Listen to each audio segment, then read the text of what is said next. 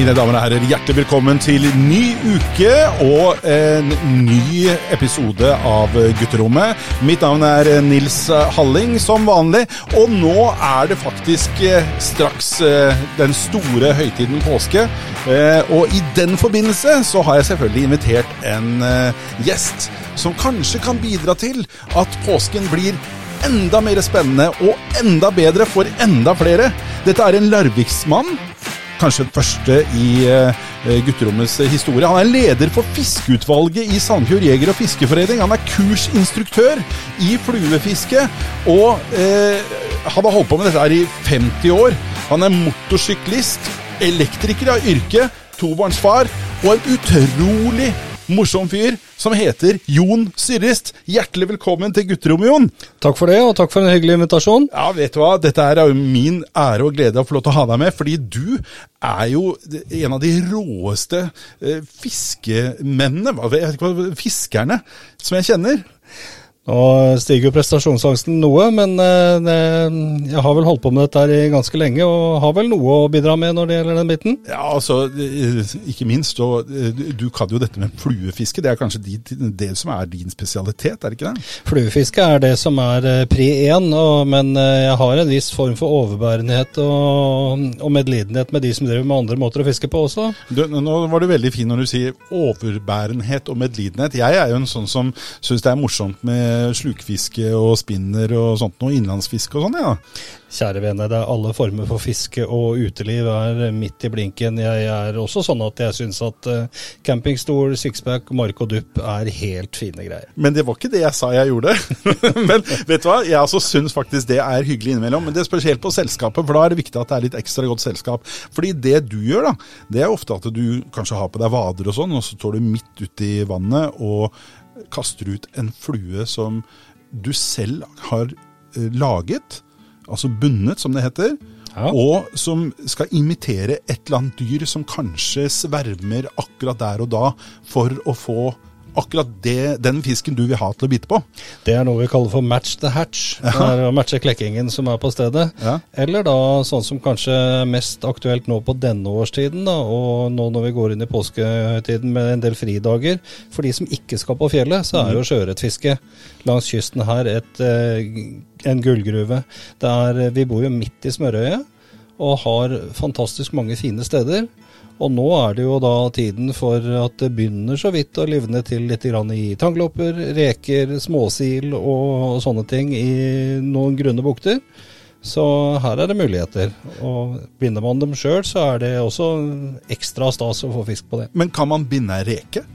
Helt uten problemer. Og den vil da eh, eh, vil den, eh, Er det en såkalt tørrflue eller våtflue? Det blir en våtflue. Når vi imiterer det som sjøørreten spiser, så fisker vi som regel under vann. Det går altså an å ta den på tørt på gode, varme dager og sånt, men som regel så imiterer vi reker, danglopper, småfisk eller, eller dyr som lever under vann. Ja. Fisker da med en uh, intermediate eller synkende line, sånn at vi slipper flua litt nedi før vi begynner å imitere bevegelsene. Vet du hva, Det er jo utrolig fascinerende. fordi eh, Ikke nok på at man skal ha litt kunnskap om selve fiskingen og teknikken rundt fiske, men man må jo også eh, kunne litt om eh, næringskjeden. Det er veldig fint å lese opp litt på, på, på, hva fisken spiser, og vite litt om årstiden og hva som faktisk rører seg i tang og tare, og, og hvor de finner dem hen. Hva med børstemark? Børstemark er jo en, eh, et kjempebyttedyr for uh, sjøørreten. Det er litt tidlig og litt kaldt i vannet for den enda, men eh, når vi kommer litt lenger ut, kanskje ut i påskeuka hvis vi får litt varme, så kan vi få litt sverming av, av børstemark. Men kan du binde en børstemarkflue, liksom? Ja da. Det er den, En av de som er mest kjent av imitasjonene for børstemarken, er jo Woollyburger, som er en ganske bustete, lang flue i forskjellige farger. Kan ha den i oliven, oransje, sort, hvit eh, og sånne ting. Eller så binder vi da gjerne ting på to kroker med et uh, stykke snøre imellom som vi fluffer opp og lager uh, børstemarkimitasjon av. Og da blir det en sånn lang greie som egentlig vil bukte seg litt sånn som børstemarken gjør, da? Ja.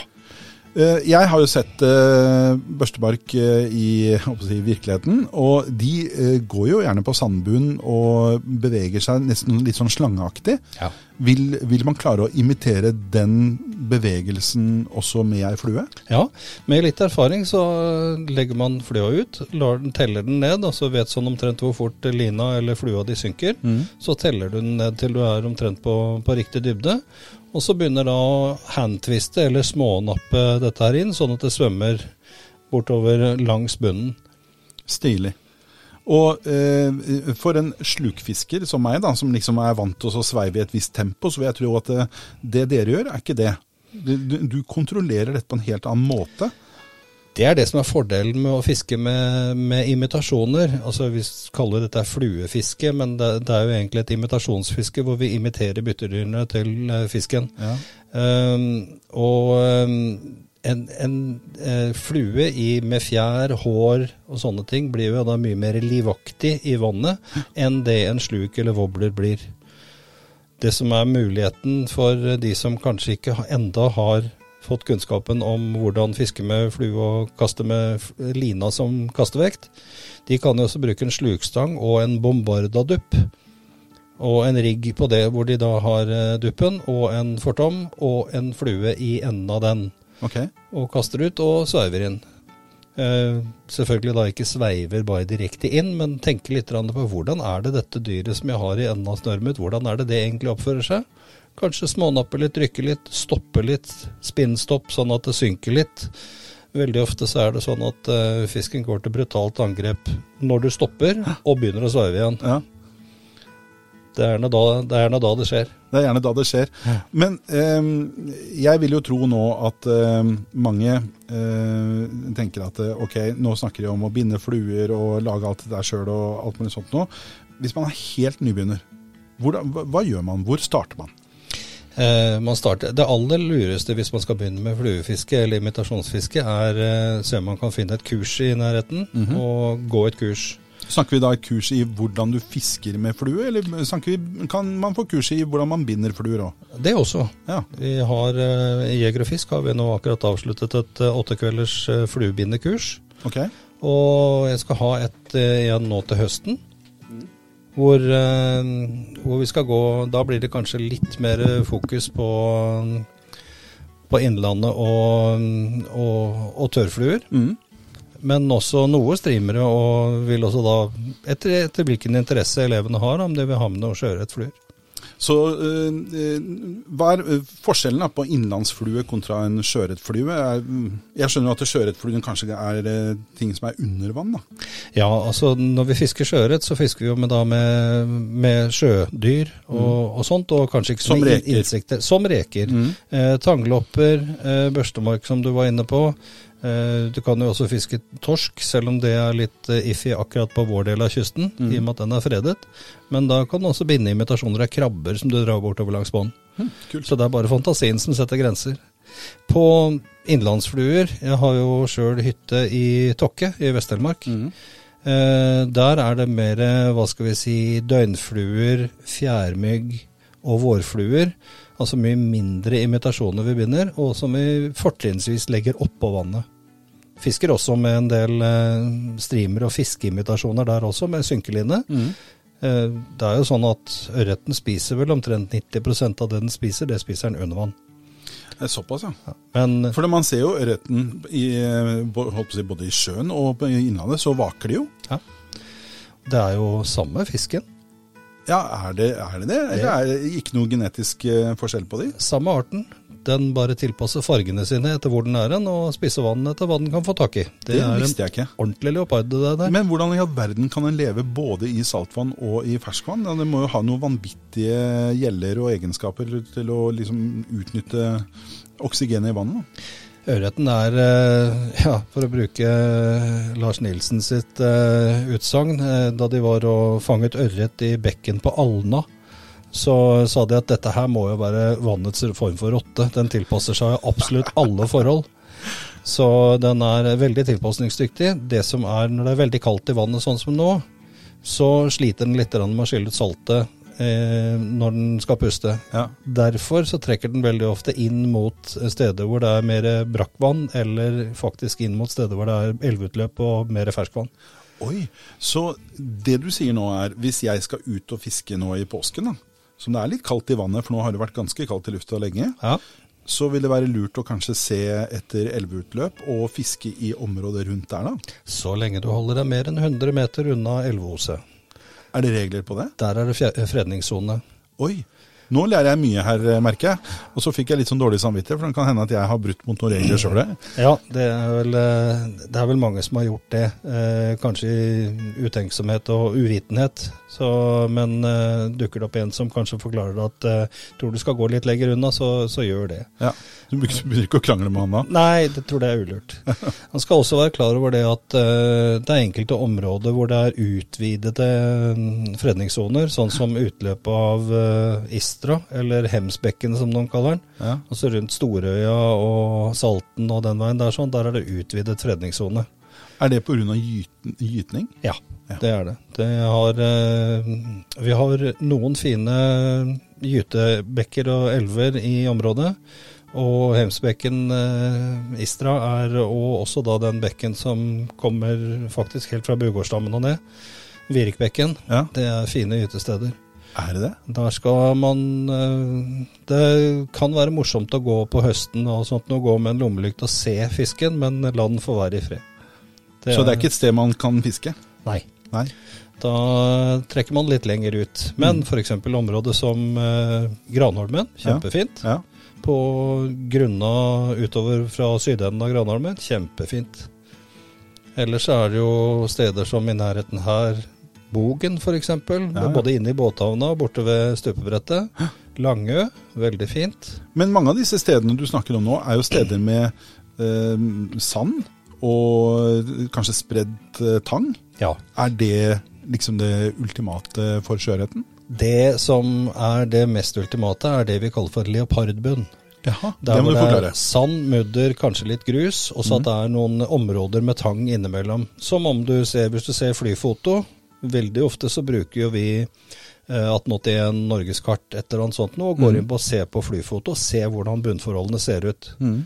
Der kan du også se litt om forskjellige tider på året også, med å gå på historisk på, på disse sidene, og så se hvordan, hvordan er bunnen der. Mm.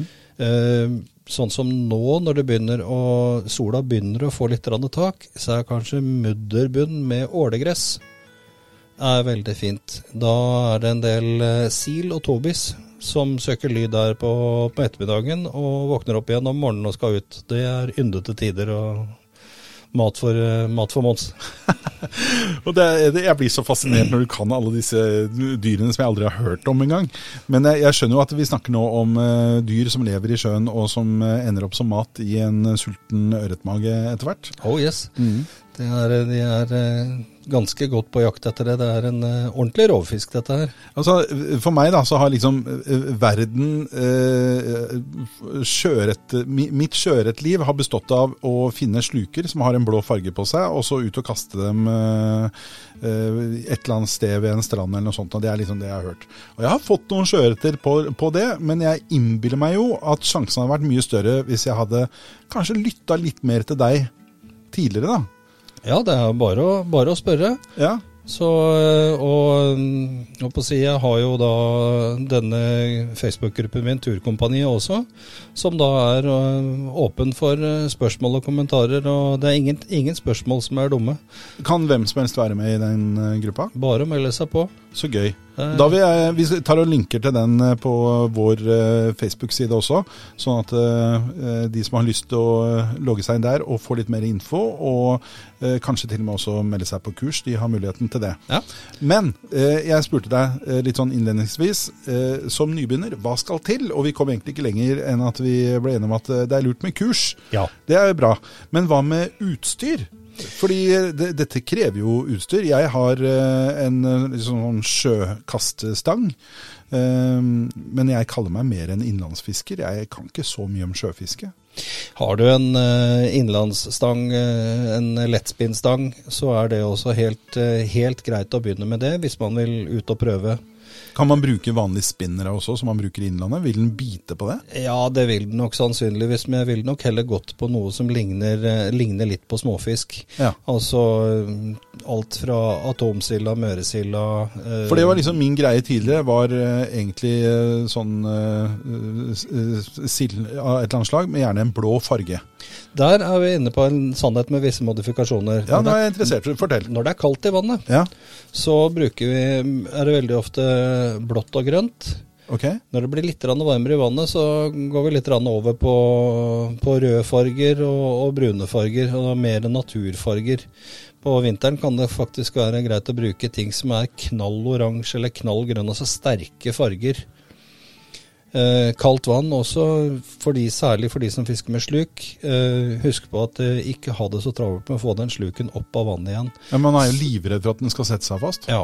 Du, du sveiver inn som bare det, for vi vil jo ikke at den skal gå i bånn.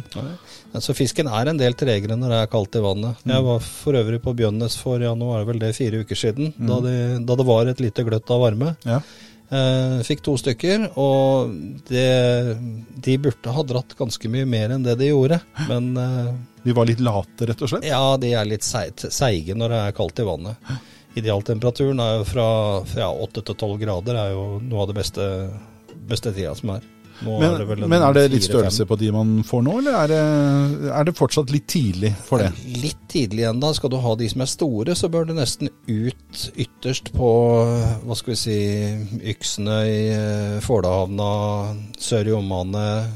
Altså ytterst ut mot dypet.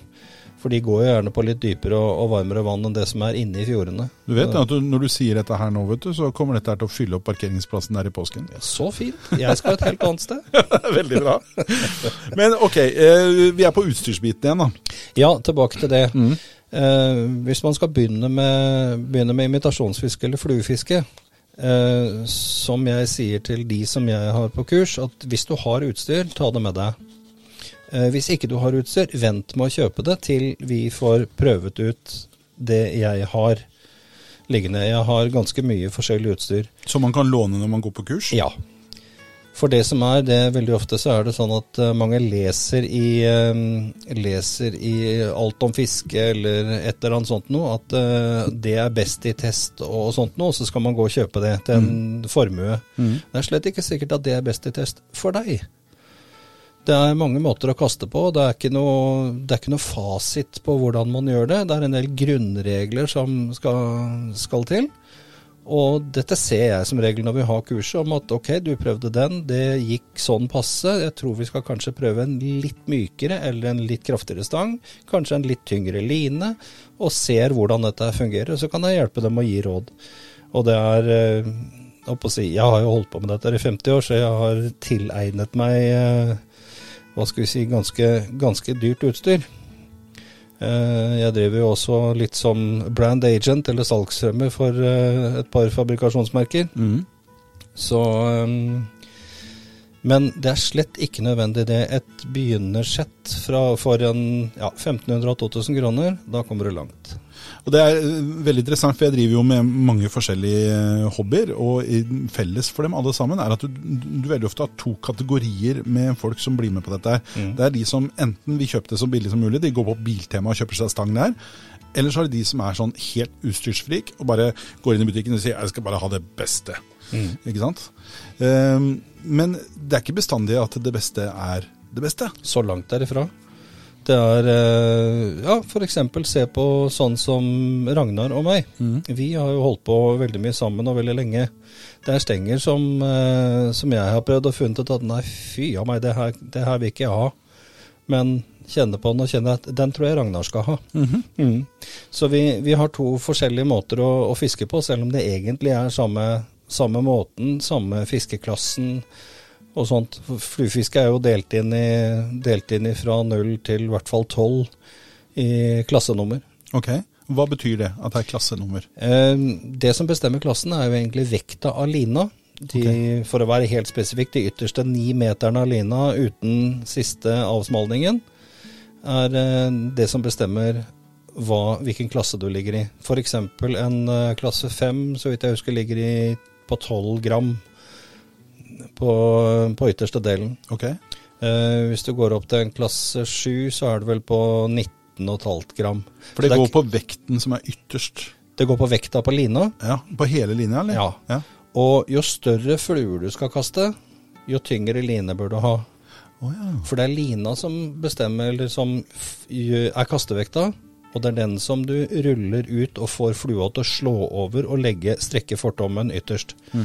Sånn at eh, Men størrelsen på flua den avhenger vel kanskje litt også på hva slags fisk du skal fiske. For én ting er sjøørret og, og innlandsørret og sånt, men hvis du skal ut i Lågen og fiske laks, da snakker vi jo helt annet utstyr igjen. Da snakker vi helt annet utstyr. Da er det en eh, ordentlig av ei snelle, og en, gjerne en eh, ja, 13-16 fot stang i klasse 10, 11, 12. Og gjerne da tohåndsstenger, som er en helt annen kasteteknikk. Ja. Fordi der kan man jo plutselig dra opp uh, dyr på 20 kilo, liksom. Ja. Det er jo en helt annen verden. Og de skal jo kjøres en stund også. Ja. Fordi du kan jo ikke bare dra dem rett opp. Nei. Da ryker jo alt som er. Det er litt av det som også er litt morsomt med, med imitasjonsfiske, med, altså med fluefiske. Ja. Det er såpass lett utstyr i forhold til det vi fisker etter. Ja. Og at du må faktisk eh, Spenningen skje, begynner ordentlig når fisken tar. For det er slett ikke sikkert du får med deg opp. Vi fisker jo med altså fortommer som er ned i ja, 0,10, 0,09 og, og 0,14 og sånt noe. Så det De tåler jo ikke all verdens av vekt. Nei, de må være veldig forsiktige. Og uh, dette er kanskje den største forskjellen mellom det å fiske med spinner eller sluk og uh, fluer, Mm. er jo det at uh, med en spinner eller sluk så er du skal gi motslag, og det er bare å få dratt dyret inn, liksom. Ja. Men eh, hos dere så er det ikke det. Dere lar den få lov til å gå ut og eh, drar den sakte inn igjen og jobber med den hele veien for å slite den ut. Ja. Tar inn, tar inn det vi kan få av line, og så må vi slippe opp på land, gå, la den rase seg fra seg en stund, og så venter vi til den stopper, og så må vi sveive inn og prøve å hente inn igjen. Så det er jo Hvor lenge har du stått da? eh, Lengste jeg har stått med en fisk, er vel litt i overkant av 20 minutter. Hæ? Og hvor stor fisk snakker vi om da? Det var en harr på ja, litt under 2,2 kilo. Tøft. Var det på, på fjellet da? eller? Det var på Røros i Håelva. Der var eh, Opp, det skulle jeg ikke sagt. Eh, da vi hadde hytte tidligere. Så det er eh, Men 20 minutter, du merker det i armen òg, gjør du ikke det? Jo da, det blir eh, Men du merker mest i huet, for spenningen blir Adrenalinet blir ganske bra. Hjertepumpa går. Ja, det tror jeg på. Livet er redd for å miste dette her, vet du. Ja, ja, ja. Men det rare er at over misteren så er det en tragedie. Men når vi endelig får den opp, og får den i hoven, så er det en suss i panna, og takk for kampen, og uti med den igjen. Ok, fordi du fisker ikke nødvendigvis for å spise dem. Nei, altså jeg har jo holdt på, holdt på med dette i 50 år, og, og det, det, det er ikke matauken som er i dette her. Det hadde vært, eh, Hvis du ser kiloprisen på det man får av fisk i forhold til det man har av utstyr, så, så er den drøy. Det er billigere å gå på Bergeren, for å si det sånn. Men eh, det er gleden ved det. Den kan jo ikke måles i, i kroner og øre. Nei. Men eh, selvfølgelig, det er jo en del som blir med hjem og blir med I panna? i panna, eller kald røyking, eller varm røyking, eller det å videreforedle det man får, er jo kjempegøy det også. Som får med hele rekka. Så, mm, men eh, det å fiske for å fylle opp i fryseren, det har vi slutta med. Men uh, uansett, så eh, denne sportsfiske, er det det man kan kalle det? Sportsfiskegreia. Eh, det, er, det er jo konkurranser i det også, er det ikke det? Jo da, det er det. For vi hadde jo her tidligere så hadde vi besøk av Cato Mikkelsen, som har drevet med en del konkurranse i forhold til sjøfiske. Ja. Eh, og han fortalte han hadde fått eh, han hadde fått eh, verdensrekord i Nå skal jeg se om jeg klarer å huske hva det var. Altså sjuarmet eh, et eller annet greier. Jaha. Eh, og den veide det bare 35 gram eller noe. Akkurat. Det var litt av den største. Ja, en sånn artsfisker, altså. Veldig artsfiske. Ja. Men eh, hvordan fungerer en eh, fluefiskekonkurranse, da? Du, det er flere måter å konkurrere dette her på. Det er jo enten det er fiske på samme måte som en annen fiskekonkurranse, om å gjøre å, å få fisk, få først fisk, få størst fisk, få flest fisk. Men det er også en annen gren av dette her som kanskje begynner å bli litt mer kjent nå, som heter casting. Og der eh, det foregår på den måten at man, eh, det er om å gjøre å kaste lengst, Oi. eller å da kaste på presisjon. På lengdekasten, f.eks. det som de kaller for femmercupen. Det kaller de fordi det er et snøre i klasse fem som du får utlevert, og alle har likt snøre. Og så kan de få lov til å kaste med hva de vil, bare det er ni fot. Ja, Så er- hvilken stang som og Du kan bruke kosteskaft om du har lyst til det, liksom? Hvis du føler for det, så gjør det. Det, det er faktisk noen av de stengene som er tilnærmet et kosteskaft også. Litt ut fra teknikken som eh, de bruker. Litt ekstra moro var det for ja, det er enten to eller tre år siden, så hadde jeg en eh, kar på kurs som eh, kom og hadde, hadde litt taket på dette her, og, men hadde tydeligvis da sett litt på YouTube. Jaha. Og han hadde en, eh, den gamle Old English, eller British Lord-style, Ja. med hendene godt samlet, og da som om man skulle hatt en eh, lommelerke med maltwhisky under armen, og føttene pent samlet, og kastet vakkert. ja, så flott. Vi flyttet litt på fotstilling og åpnet opp litt på kastingen, og dette her ble det ordentlig tak på. Han var flink, og var kjempefornøyd med kurset. Eh, For en uke siden så averterte han med at han var blitt junior-norgesmester i femmercupen. Nei. Da kjente jeg at jeg ble litt stolt. Jeg skal ikke påta meg at det er jeg som har lært han alt dette her, men jeg har i hvert fall greid å tenne gnisten. Ja, Det er helt klart, og det, det tror jeg faktisk du har bidratt med til veldig mange. Eh, ikke bare de som er på kurs hos deg, men også de som følger deg på sosiale medier eh, og ser det du legger ut, for det er utrolig fascinerende. Eh, og jeg som er glad i eh, naturen og sjøen og vann og fisk og alt sammen, jeg blir jo også veldig fascinert av det. Så det syns jeg er veldig moro. Ehm, så la oss si nå at eh, jeg er en nybegynner. Jeg har ehm, kjøpt meg min første stang. Eh, og så har jeg kjøpt meg noen fluer. Som bare sånn boks som man får i butikken. Hvordan vet jeg hva jeg skal bruke, og hvordan velger jeg de fluene når jeg ikke har bundet dem selv for spesifikt formål? Det er jo litt grann, eh, Da kan du enten lese deg opp litt grann på hva som finnes i området der du er, eller du kan spørre For det er ikke noe sånn at jeg bare kan ta hva som helst? Nei. Eh, eller si, du kan egentlig gjøre det, men sjansene øker ved å velge riktig flue. Det er altså samme som eh, hvis du hooker på en kropp med blåskjell i, i, i nedre tokke. Jeg tror ikke du kommer til å få noe fisk da. Sannsynligvis ikke. Nei. Derimot mark i sjøen funker veldig bra. Gjør det det? Ja. Meitmark? Meitmark funker veldig bra i sjøen. Eh, Nå, jeg lærer så mye tøft her. Skikkelig Så, kult. um, nei da, men det, det som er, det er eh, søk råd hos noen som har holdt på med dette en stund. Og på å spør gjerne meg. Jeg, Mm. Men tenker du at det er dumt å kjøpe bare en sånn boks på måfå med diverse fluer i? Ja, jeg syns egentlig det. Er det like dumt som også å kjøpe seg en boks med diverse sluker i? Eh, ja, egentlig så er det spør heller. Altså det er eh, Enten du er på skitt fiske eller borte hos Arne på tur og fiskeutstyr eller et eller annet sånt. Spør og grav litt. Ranne. Hva, hva ville du ha gjort? Ja. Vi er jo sånn at uh, dette her er jo ikke bare en hobby, det er tilnærmet en psykose. så så vi, vi, de aller fleste av oss gleder oss over at det er andre som kommer til og vil gjerne lære bort, og er glad for at folk spør. Det er eh, gleden ved å tenne gnisten i noen andres øyne. og det er, det er, Nå er det faktisk sånn at det er nesten større glede å se at en annen får fisk, enn å få det sjøl. Er ikke det rart hvordan det blir? Det blir sånn etter hvert. Ja, ja. Og så er det jo, jeg holdt på å si, dette her med Som jeg sier når jeg har kurs, det er hvis du nå tror at du kan gå ut i skogen og hente deg middag, så tar du grundig feil. Her er det det å være ute, naturopplevelsen, enten selskap av god venn, eller gode venner med samme interesse, eller det å faktisk å nyte ensomheten av stillheten, det er det som er det viktigste. Det som er med i sekken på vei hjem igjen, det må du se på som en rein bonus. Se på ja, f.eks. Ronny og jeg når vi er i Tokkåi. Det er jo et parkanlegg å gå og fiske i. Eh, er vi ute i fire timer, vi fisker kanskje én.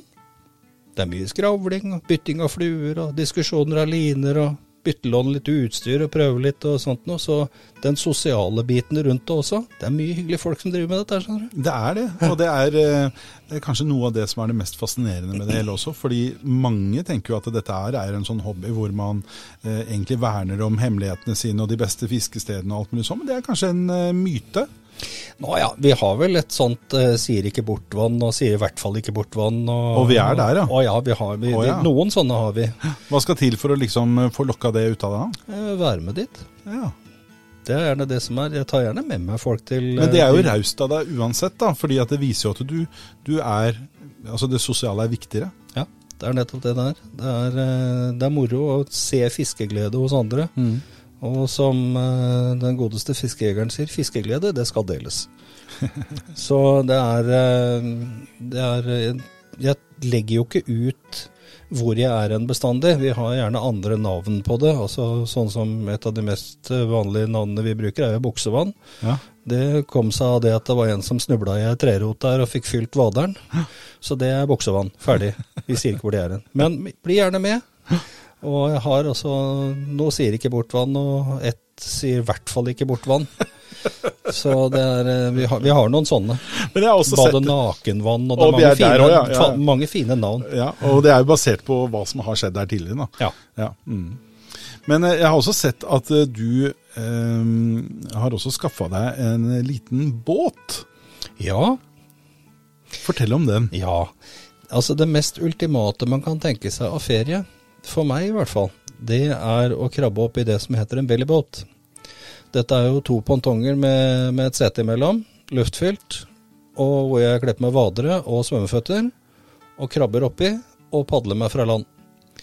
Og ute i bellybåten så er, da kan egentlig verden bare rase rundt meg, for det er ingen som får tak i meg, der er jeg. Men da, du er helt tørr. helt, ja, holdt jeg på å si, jeg har jo vadebukser, så jeg sitter jo med, fra knærne og ned i vannet. Men, Og- men du er fortsatt tørr på innsiden? Du er tørr inni vaderen, eller? Ja, ja. Eller er det sånn at det kommer vann på innsida? Nei, nei, det er helt, helt tørr sånn. Så, og da har jeg jo liksom da klatret meg opp fra noe som var tungt å svømme med. Og et, med tiden så har jeg fått en viss tonnasje. Så jeg har, eh, har nå kommet meg opp på en ganske mye større båt hvor jeg sitter høyere på vannet. Som er lettere å padle, og den er også da utstyrt med årer for litt lengre fart. Ja. Oppi der sitter man høyt og flott og kan fiske med flue, og da får man den fordelen at man kommer til på steder hvor det ellers er umulig å komme til. Og kan faktisk gå på vann og fiske inn mot land. Det kan også ofte være en fordel. Men eh, er det en annen måte å fiske på, da? Fordi at du blir jo liksom Du, jo ikke, du står jo ikke oppreist og er ikke like høy som det du er når du står. Vil det være annerledes å fiske i en sånn bellyboat? Det er klart det er litt annerledes å fiske når du sitter. Eh, nå er jeg sånn at eh, jeg fisker jo veldig ofte med hva skal vi si, vanlige nifotstenger hvis jeg står på bredden. Skal jeg ut i bellybåten, så går jeg gjerne opp på 9,6-10 fot for å få den lille ekstra høyden. Men den er jo også grei å ha sånn som eh, når du vader litt dypt, at du står i vann til godt over livet. Eller eh, det som vi kaller for sånn hiawata-fiske. Dette her med ut på knærne ut på ei myrtange for ikke å bli sett av ørreten i vannet. Ordentlig luskefiske. Da er det også greit, Luskefiske, ja. ja. Da er det også veldig greit med å ha den lille ekstra stanglengden. Utrolig artig. Men eh, den bellybåten den eh, fascinerer meg. Det ser ut som et eh, vanvittig nyttig verktøy. Ja. Eh, er det blitt en sånn ny eh, glede i sporten for din del? Du, den har jo vært der i, i noen år. Eh, den begynte jo for ja, Hvor lenge er det siden, da? Det er vel ja, i hvert fall 15 år siden, hvis ikke 20. Med å kaste seg ut på Håelva på Røros og drive med elva et stykke nedover. hvor Du egentlig bare Du mer styrer enn du, enn du padler. Og ut i Glomma og rundt Odden, og så har du kort vei opp igjen til hytta. Og det er en utrolig fredelig greie. Nå har vi jo, nå har vi jo flere av oss, da. Altså Tore, Ragnar, Eivind og jeg, og flere. Ja, nå har vi jo tilegnet oss like båter, da. Oi. Kanskje det grommeste som er på markedet. Okay. Og vi fisker jo da på um, ute på Delta i Tokoi. Så Tore ga oss nå navnet Delta Force. Men når, når du sier liksom noe av det råeste du kan få tak i, jeg er litt nysgjerrig på sånn prisklasse. Hva, hva må man forvente å betale for det råeste man kan få tak i? Opp å si en, eh, en sånn eh, Savage Gear-båt på 1,70, da må du nok regne med opp i en 5000-6000. Men det, er det, det er det absolutt verdt. Men det er jo fortsatt overkommelig for uh, de som er litt ihuga. Men det gjelder da bare båten. Da kommer jo annet utstyr som vader og sånt noe kommer i tillegg. Det kommer i tillegg. Vader og svømmeføtter, og ja, som regel så er pumpe med i dette her. Så det er eh, Litt kroner blir det, men det er som med alle andre hobbyer også, at det har en hva skal vi si, en, en inngangssum i dette her. som er sånn, men dette varer jo lenge hvis man er litt flink til å ta vare på det. Selvfølgelig. Eh, men nå må det jo sies da at dette er ikke noe man må ha for å kunne drive med fluefiske. Langt ifra. Men stang må man ha. Stang, snelle, line må man ha. Og fluer. Eh, og fluer. Og da kommer vi inn på denne kunstformen. Jeg må kalle det en kunstform. Ja, det er elegant idrett. Ja, men jeg tenker på det å binde fluer. Ja. Det er jo kunst. Er kunst du, har, du, har, lagt ut noen videoer som jeg har sett på, hvor du binder fluer, og det ser så vanvittig flott ut. Kan du fortelle litt om hva er det som skal til for at man skal kunne begynne med fluer? Og I, binde fluer? Igjen så kan det være lurt å, å gå et kurs. Eh, og så har du da en grunnpakke av verktøy som må til, altså en bindestikke i en eller annen form. De får du fra, ja, fra noen få hundrelapper og opp til nesten ubegrenset med antall tusen. For det, Da snakker vi altså en uh, liten stikke som man fester eh, selve kroken på? Ja, smal, smal, høy, smal, høy skrustikke som man fester kroken i. Ja. Og så eh, kan det være lurt for de som begynner, det er å tenke hva er det jeg skal binde? Mm. Og så kjøper man inn da bindematerialene til det, altså tråden i riktig farge, eh, den dubbing som vi kaller det, altså denne ulla som du bruker i kroppen. Mm. Eh, skal du ha noe eh, sølvtinsel, noe glitter, eh, også da veldig ofte da en, en hanenakke. Som man bruker som og, og, når du sier hanenakke, så, så, er det faktisk en hanenakke? Det er faktisk en hanenakke. Det er nakken på en hane med fjærene spesielt fremavlet eh, for å kunne gi de fjerne. Wow. Det er kanskje hva skal vi si, den dyreste delen av, eh, av innkjøp av bindematerialer, men den varer lenge. Eh, du kan også gå på en hva skal vi si, nybegynnerpakke i bindesaker. Da får du med stikka, nødvendig verktøy og en del hår og fjær og, og tråd. Ja. Eh, du vil kanskje oppleve at det er noen av de tingene som bare blir liggende fordi du ikke, ikke bruker den noe større. Mm. Men prismessig så kommer det sånn noenlunde ut på ett. Men er de pakkene er det laget for norske forhold, eller er det sånn internasjonale pakker? Så det er liksom du kan fiske i Vietnam med de, liksom? De er, eh, de er satt sammen som norsk pakke. Ja, ok. Ja. For det vil jeg tro er litt viktig. Ja. At uh, det skal passe til norske forhold og uh, den type fisk vi har i Norge. Ja, og det er jo litt avhengig av hva man fisker med og hva man fisker etter. Jeg har en uh, god venn i Vest-Telemark som heter Jake Simmons. Han er fra Michigan og fisker på den amerikanske måten. Og hva er det? Og de fluene han fisker med, de er eh, klassifisert som ekorn eller norsk skogkatt med krok. de er svære. Men han får også stor fisk på dem, så det er eh, Da føler man seg litt teit når man da står liksom da med en sånn eh, En, bitte liten vårflue eller et eller annet sånt og drar det oppå vannet. Men uh, vi har alle forskjellige måter å gjøre det på. Ja, men han, han får fisk, han òg? Ja da. Så det er vel han som får størst, fisk av oss, men ja, Det er jo begrensa hvor uh, liten fisk skal spise et ekorn. Ja, ikke sant. Ja. Noe av det aller morsomste som fins, det er eh, Vi var litt inne på dette med imitasjoner og sånt noe. Eh, insekter og sånt, men eh, småfisk. Men noe av det aller morsomste som er, det er å fiske med mus. Svømmende mus. Hæ? Det er hysterisk morsomt. Nei, nå må du fortelle. Hva er dette her for noe? Du, Det begynte egentlig med ideen og jeg ble invitert med på en båttur på, på Bordsjø, ja. oppe på heia. Og uh, var ute med tørrfluene mine og greide å få da først en fisk på halvkiloen. Og dette her fjellfisk, fin og feit og rød i kjøttet. Og åpna den og gjorde den opp, og der var det jaggu meg en mus i magen på den. Tenkte jeg i all verdens land og rike, de skal ikke være større enn halvkiloen for å gå på dette her. Gikk og vi snakker en ordentlig mus, liksom? Ja, ja. Og så um, holdt jeg på litt til, og fikk en på 5,5 hekto. Den hadde to mus i magen. Tenkte jeg all verdens land og rike, er vi, vi, er der, ja. Så jeg snakket litt med en kompis nede i dalen som også var litt på dette her. Så han satte seg ned og komponerte en sånn eh, leddet, todelt mus med hale og gummibein og, og full pakke. Vanvittig kult. Og så fant vi ut at dette må vi jo ned i når det skumrer nederst i, i Tokkåøy og prøve. Og da snakker vi naturtro eh, størrelse òg? Ja, absolutt. Og var nede og prøvde. Og Tore og Eivind og jeg, vi tok vel litt over 40 fisk den kvelden, natta. Det er så mørkt at du ser egentlig bare stripene etter flua som du går og drar i overflaten, som om det er en svømmende mus. Ja. Og den eh, fisken tar jo det så brutalt. For én ting er å gå opp og plukke ei flue, det er sånn det er litt mat, omtrent som å gå og ta seg en kjeks. Ikke sant? Men eh, det å dra den over, det er som å servere den en god, god biff. Altså. Den skal han ha. Så det er De blir ganske ivrige, men det må jo være litt størrelse på de fiskene òg, da? Ja, faktisk, ja, men jeg håper å si, det er ikke mer enn eh, mer enn, ja, fire hekto oppover, så er det, går det til angrep på den. Det er ikke alle som får tak i den. Nei, Jeg vil jo tenke at en, en eh, fisk på 400 gram som eh, snapper etter en For jeg har jo sett magen på fisk på 400 gram. Det er ikke kjempestort. Neida.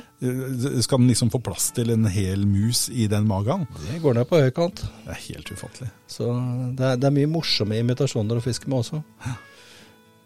Men eh, ja, litt tilbake igjen til det vi, vi snakka litt om dette med bailybåt. Jeg har jo tatt med min hjem nå, da. Den bor jo som regel på hytta. Mm. for jeg tenkte jeg også skulle prøve å bruke den i sjøen. Og, eh, for nå har jeg da en bailybåt som er ja, som en Zodiac gummibåt. Ja. bare, Bare mye mindre, selvfølgelig. ja, og den er bare å skylle av. Mens eh, en del andre båter som er eh, hva skal vi si, laget i cordura og nylon med oppblåsbare elementer inni, de må man nesten plukke fra hverandre og vaske hvis man har vært i sjøen. Salt er en eh, Det tærer. Det gjør det. Ja. det. Det gjelder egentlig alt utstyret vårt, enten det er vadere, vadesko, eh, om det er fiskeveske, Snella og alt snella og alt sammen. Ja. Skyld det. Det er noen som påstår at de sier at de har laget en, en snelle som, er, eh, som tåler saltvann. Ja, alle tåler saltvann, mer eller mindre, men det er ingen som egentlig tåler det. Nei. Så skylda det for salt og aluminium, det er en dårlig kombinasjon. Veldig dårlig kombinasjon. det ser jeg selv på Jeg har jo noe eh, havfiskeutstyr og sånt nå, og har man ikke vært flink til å skylde av det, så mm, irrer det og tærer på det òg. Så jeg skjønner godt at det gjør det på, eh, på fluefiskeutstyr også. Men eh, eh, i forhold til å ta kurs, det tror jeg nesten må bli det store mantraet her. Da. Eh, Ja, gjør det. For dette er ikke noe man nødvendigvis lærer seg å se på YouTube, eller? Nei, altså du kan få noen, få noen innspill og litt sånn forskjellige ting, men det er veldig greit at du har en som, en som kan stå og se på deg og fortelle hva du gjør feil. Du kan jo selvfølgelig rigge deg opp med et eget GoPro-kamera på et stativ og stå og kaste, og så kan du gå og se på filmen etterpå. Men det blir litt annerledes hvis du står og kaster, og en sier stopp litt tidligere, stopp stanga litt høyere, eh, og fullfør bevegelsen. Eh, og, og sånne ting, at han kan veile deg mens du står og kaster. Det gjør kanskje at man får en mye større glede av Veldig. sporten, fordi man eh, rett og slett får mestringsfølelsen tidligere. Ja. Det er eh, Jeg hadde fire stykker nå på kurs nå på lørdagen som var. Og det, det, var, det var veldig moro å se fra vi Jeg begynner veldig ofte veldig basic med å fortelle eh, hvordan utstyret henger sammen, hvordan fysikken i kastet er, og hvorfor det er som det er. Uh, og sånn, Før vi da går ned og går ut på Har en fantastisk kastearena rett ved siden av jobben. Og jeg har vært der og sett det, og det er jo helt ypperlig for eh, den aktiviteten som du gjør der. Og da, det da å se fra de kommer ut og begynner å kaste, og, og kanskje fikle litt, og kanskje noen må bytte om litt på, på stang line for å finne noe som balanserer bedre for dem, og så se den mestringsfølelsen som kommer ganske fort da. At det faktisk er sånn at dette her, dette er noe du får til. Du gjør det og på å si, kanskje litt på din måte, men allikevel riktig. Jeg har jo det, det, Toppen av alt er at jeg har jo et eh, lite vann oppover hytta hvor jeg veldig ofte tar med nybegynnere. nybegynnere. Der er det er gressbakke og åpen og fin bakgrunn. Så det er lett å kaste der. For det er noe jeg har erfart som en, kall det, hobbyfluefisker. Det er lett å hekte seg bak hvis ikke du følger med litt. Ja, det er det. Hvis ikke enten følger med litt, eller gjør det store stuntet med å snu ryggen mot vannet og legge ut bakover isteden. Det er mye lettere å sikte forbi trærne framover. Aldri tenkt på. Så enkelt kan det gjøres. Det har jeg aldri tenkt på. Enten du har skog bak deg, eller vind inn fra Er du høyrehåndskaster og får vind inn fra høyre, snu deg. Eller gå et annet sted. Det er, vi, piercinger er sånn det er eh, Men jeg, jeg skjønner jo, jeg er over 50 år og eh, er ikke noen spesialist på fluefiske, på langt nær. Enda? Jeg, ja, men jeg, jeg tenker at far, kanskje til og med jeg skal få kommet meg på det kurset. Ja, gjør det. Rett og slett. Du er mer enn velkommen. Men nå har vi snakket om eh, stang, og, og vi har snakket om fluer. Men det er jo en del annet utstyr også. Par... Bellybåten den er jo ikke for uh, hvermannsen, men det er en del annet utstyr man bør ha. Ja, det er noen ting man bør ha. Uh, det er uh, kanskje en, en, vest for å ha flueboksen sin i. Sånn for da snakker du om en typisk fiskevest som ja. er litt kort i livet, og, men det er ikke noen redningsvest? Nei, absolutt ikke. Den, den kommer inn når vi snakker bellybåten. Da har vi redningsvest. Da er redningsvest. Um, det er en fordel. Selvfølgelig er vader en fordel. Uh, håv med mm. gummiert nett. Veldig mange steder er det sånn at vi må sette tilbake fisken. Mm. Enten den er over eller under en viss størrelse, eller alt. Og gummiert nett, er det for å beskytte fisken når du tar den i håven? Ja. Mm. Og så lurt å fukte hendene før du tar i fisken og skal løfte den ut av håven. For å spare på slimlaget på fiskeskjellene. Det her, dette er viktig kunnskap. Det er viktig kunnskap. Og så ja. tenke på minstemålet og, og sånne ting. Så, så, bruk hodet litt. Og hva er minstemålet? minstemålet på sjøørret er nå 35 cm. Det tror jeg det er mange som ikke vet om. Det er det. Og jeg ser stadig det er noen som legger ut bilder av både fisk som er mindre, eh, som ligger på brygga, eller, eller fisk som er Eh, avgitt fisk som har kommet ut, som har omtrent samme bredden på hele kroppen fra gatthullet og fram til gjellene. At den er, og er sånn gråbrun. Ikke, ikke slå i hjel den, slipp den ut igjen. Den smaker ikke noe godt heller. Sånn. Så, men tilbake igjen til utstyret. Ja. Uh, andre ting som er uh, greit, er jo da hva skal vi si, en caps med litt skygge på. Mm. Beskytte litt mot sola? Ja. Mm. Og så eh, Altså, jeg var inne på håv. Eh, flueimpregnering hvis du skal fiske med fluer som flyter opp av vannet. Mm. Veldig lurt å impregnere dem sånn at de holder seg flytende. Mm. For det er ikke bare lina som styrer det, det er også selve flua? Ja. Mm. Altså dette her er laget av hår og fjær og noe, også noe syntetisk pels. Og det er ting som trekker vann mm. med tid. Særlig hvis du har strømmende vann og den striper litt, så drar den til seg vann. Mm. Blåser den, eller blåstørr flua, eller blindkastet som vi kaller det. altså Kaste noen ganger bare fort fram og tilbake i lufta, så rister han vannet, mm. impregnere opp flua og legge den utpå igjen. Mm. Og så kommer den aller viktigste delen. Her pleier jeg å vise fram et bilde på når jeg holder kurset, og det er dette med polaroidbriller. Veldig lurt, fordi at for det første så kan du jo se ned i vannet. Mm. Uh, går du med vadere, så ser du hvor du går hen. Du mm. slipper ta bort den glansen på, på vannflata. Men kanskje det aller viktigste, det er jo Se for deg dette bildet at når du eh, kaster med flue, og du drar til litt for fort framover, så smeller det akkurat som en sånn pisk. Mm. Det er rett og slett enden av snøret som bryter lydmuren. Yes. Det er et sonic bang. Det sier litt om hvilken hastighet det er på dette her. Mm. Og en krok da på halvannet gram i den farta der sånn, den kan gjøre stor skade. Mm. Så jeg har et bilde av et eh, øyeeple med en krok i iris. Så jeg sier bruk briller. Ah, det tror jeg var eh, dagens eh, beste tips. Ja, det er en formaning. Det er ja. Bruk briller når du fisker. Og det gjelder jo for så vidt ikke bare fluefiske, det kan jo gjelde slukfiske også, det. Oh, yes. Det er mange tilfeller der hvor folk har uh, vært uheldige. Mm. Hva gjør man hvis man har satt uh, uh, kroken i kroppen? Eh, det finnes noen eh, ganske smarte triks på akkurat det. Mm. Det som de aller fleste er kjent med, det er vel egentlig det at du må stikke en gang til. At du må dra den helt igjennom og klippe av spissen med mottaken før mm. du drar den ut igjen. Mm. Det fins andre snappy løsninger for å få det løs. Det å Litt vanskelig å forklare uten bilder, men hvis du tar en liten snørebit og trer gjennom bøyen på kroken, mm og drar, spenner opp den i motsatt retning av Eller den retningen du skal dra ut kroken i. Mm. Legger tommelen på krokøyet og presser dette her fort ned, samtidig som man napper i, napper i eh, det snøret man har rundt kroken, løkken. Da, som regel, så går det veldig bra. Uten å ødelegge flua? Eh, det kan nok være at flua går, men mm. det er bedre det enn å få et, eh, et ordentlig rift som blør. Det er sant. Så en flue Ja, for hvert fall for meg som binder dem sjøl, så er det for, Det er forbruksvare? Det er forbruksvare. Ja. Det, hvis du tar en tur, en kvelding, og går med lommelykt ned langs Stokkåi og lyser innover i skogen, mm. så du, kommer det en viss form for julestemning. Altså det gjør det. Det er mye glitter og, og fine farger i skogen der. Sånn. så det går en del fluer, det gjør det. Jeg vil tro det. Jeg vil tro det at det henger litt i trærne rundt omkring. Oh yes. Det er veldig artig. Men øh, jeg skjønner jo det at øh, det er litt utstyr som skal til. Men hvis vi skal tenke nå total pakke, øh, total kostnad for en som ikke har noen ting fra før av, hva er liksom investeringsnivået her? Hvis du skal ha nok til å sette i gang, så vil jeg nok regne med et eller annet sted med Du kan begynne på en 5000-6000, for å si det sånn. 5000-6000 kroner. Ja. Men da har du det du trenger for å komme i gang? Da har du nok. Inkluderer det vadere og sånn òg, eller?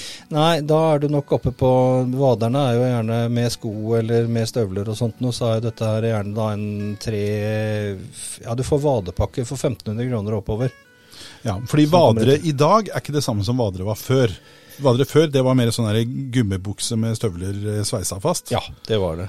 Eh, og i dag så er det neopren og andre typer materialer, vil jeg tro. Det er både neopren, som er eh, en stor fordel egentlig på vinteren når det er ordentlig kaldt i vannet. For den, den isolerer jo. veldig godt. Ja. Eh, men ellers er det jo da disse pustende vaderne, som er altså i Gore-Tex. Mm. Som eh, i et visst antall lag Gore-Tex.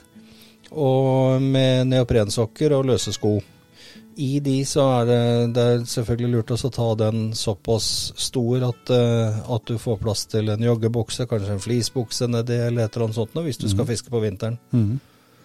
Så um, jeg tenker litt, tenker litt på det også. At det kan være plass. Det er, det er veldig mange som skal ha disse her slimfit og være litt elegant og litt sånn forskjellig. Glem det når du skal fiske. Gjør det komfortabelt. Er det, er det mange som er litt jålete? Det er mange som er litt jålete. uh, og selvfølgelig, man kjenner jo litt på det at man har en viss image, at, at det er greit å se litt stilig ut også. Ja, ja. Ikke, ikke, legg vekt på det til å begynne med, i hvert fall. Nei. Nei. Jeg har jo tidligere sagt at uh, golf er vel kanskje den dyreste måten å gå tur på. Jeg har tatt meg litt i det i etterkant. Kan det hende at fisketur er dyrere? Det kan fort bli det. Da blir det jo gjerne sånn Jeg har jo gått i den fella sjøl, at uh, du har jo en del utstyr, og så ser du noe som en annen har. Søren, den var kjekk. Sånn må jeg også ha. Og den var fin, og, sånn må jeg ha. Og så baller sånn det på seg. Og så blir den vesten så full at du greier ikke fiske til slutt. Nei, jeg kjenner igjen det der. Så kommer jeg til det at uh, inn og bare ned på sofaen med vesten, og så begynte jeg å plukke ut alt sammen. Og så begynte jeg at den må jeg ha, den må jeg ha, og den må jeg ha. Og resten, det går i bua. Ja. Og det er egentlig å stikke fingeren litt i jorda og så ja. tenke at eh, egentlig så bør det ikke være så vanvittig mye utstyr for å ha det fint og ha det gøy. Absolutt ikke. Men vet du hva, uh, vi kunne sitte i timevis og prate om dette her, men uh, vi har litt begrensa med tid. Mm. Og nå har vi kommet til en del av dette programmet hvor du, som alle andre som er med her, skal få en liten utfordring. Og Den utfordringen består av det jeg har i hånda her, som er en, en kortstokk med spørsmålskort eh, fra Geni i år 2000, type gullgeni. Mhm. Så det betyr at disse spørsmålene kommer fra 80- og 90-tallet. Eh, du skal få lov til å trekke to kort. Nå lener jeg meg fram, og så kan du ta to kort. Du skal ikke se på de. Sånn. Takk for det. Kan jeg få de? Sånn. Og da eh, har jeg dine to kort her i min hånd. Eh, og da, kjære Jon, er det nemlig sånn at vi skal spille quiz. Og det var den lille kjenningsmelodien. Det blir jo sånn nesten gameshow, dette her. ikke sant? Snertent. Veldig snertent. Eh, så, eh, Jon. Eh, totalt tolv spørsmål. Nå kjenner jeg den før omtalte prestasjonsangsten øker. Ja, Det håper jeg, fordi her eh, henger lista høyt, altså. Første spørsmål. Hvilket land har bilde av et løvblad i flagget sitt? Det er Canada. Å, jeg hadde blitt veldig overraska hvis ikke du hadde tatt den. Der fikk du ditt første poeng. Gratulerer. Så Neste spørsmål. Hvilket land i Europa innførte stemmerett for kvinner først i 1971? Stemmerett for kvinner i 1971. Kan det være konservative England? Dessverre feil. Riktig svar er Sveits. Sveits, ja. Hvor lenge varer en, en utvisningsperiode i håndball? Eh, to minutter. Nå imponerer du her, altså. Nå er vi på to rette. Og så sport og greier. Også på sport, til og med. Det er to sportsspørsmål, så vi får se om du klarer det neste også. Den kommer litt senere. Hvilken omstridt person vendte tilbake til sitt land i januar 1979, etter 15 år i eksil, for å bli deres høyst åndelige leder? Kan det ha vært Shana Iran? Det er Ayatollah Khomeini. Khomeini var det, stemmer det. Så det, du var jo i, du var jo i riktig, riktig. verdensdel. Men det blir en feiltone på den. Ok. Ja. Men bra likevel. Ok. Eh, Hvilken gruppe ble populære med sanger som Linger, Dreams og I Still Do? Og vi er jo nå på 90-tallet. Ja. det, jeg vet det helt sikkert når du ser det, men her melder jeg pass, faktisk, altså. Og det er lov, det.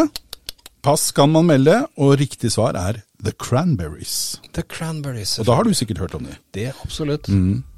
Hva heter det letteste av metallene?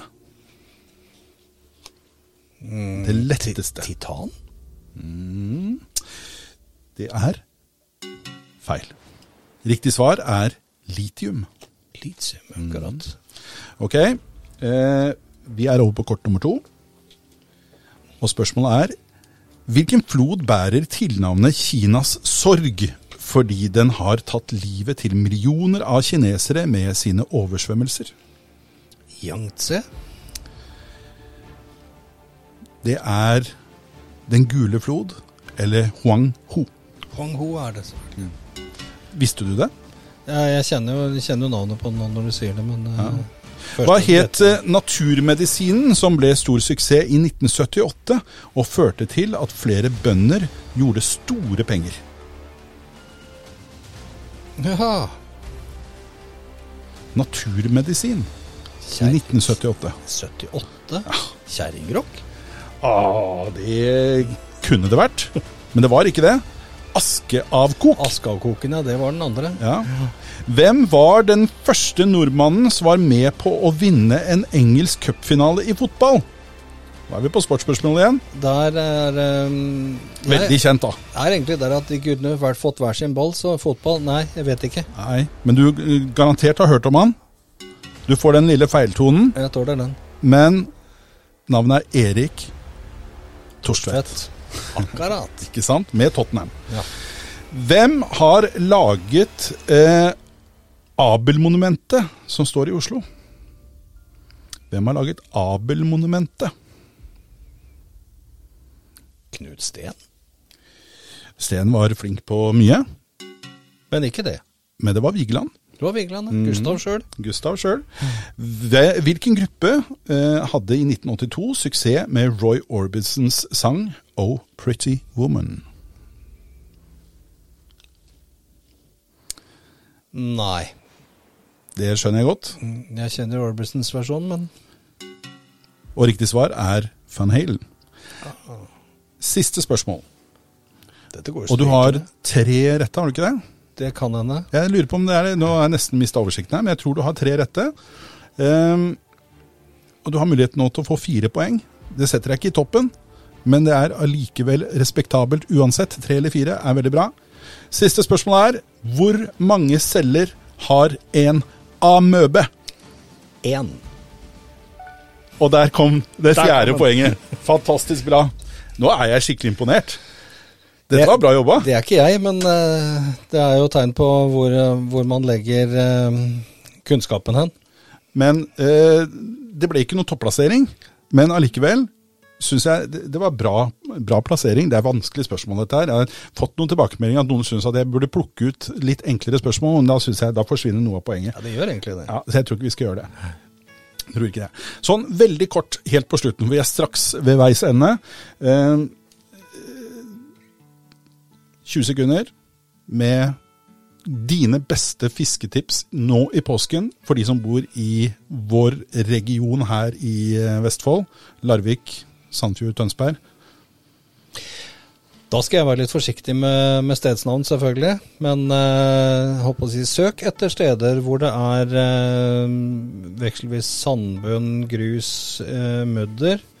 Eh, litt tannklasser. Inn på grunna. Eh, sydvendte bukter.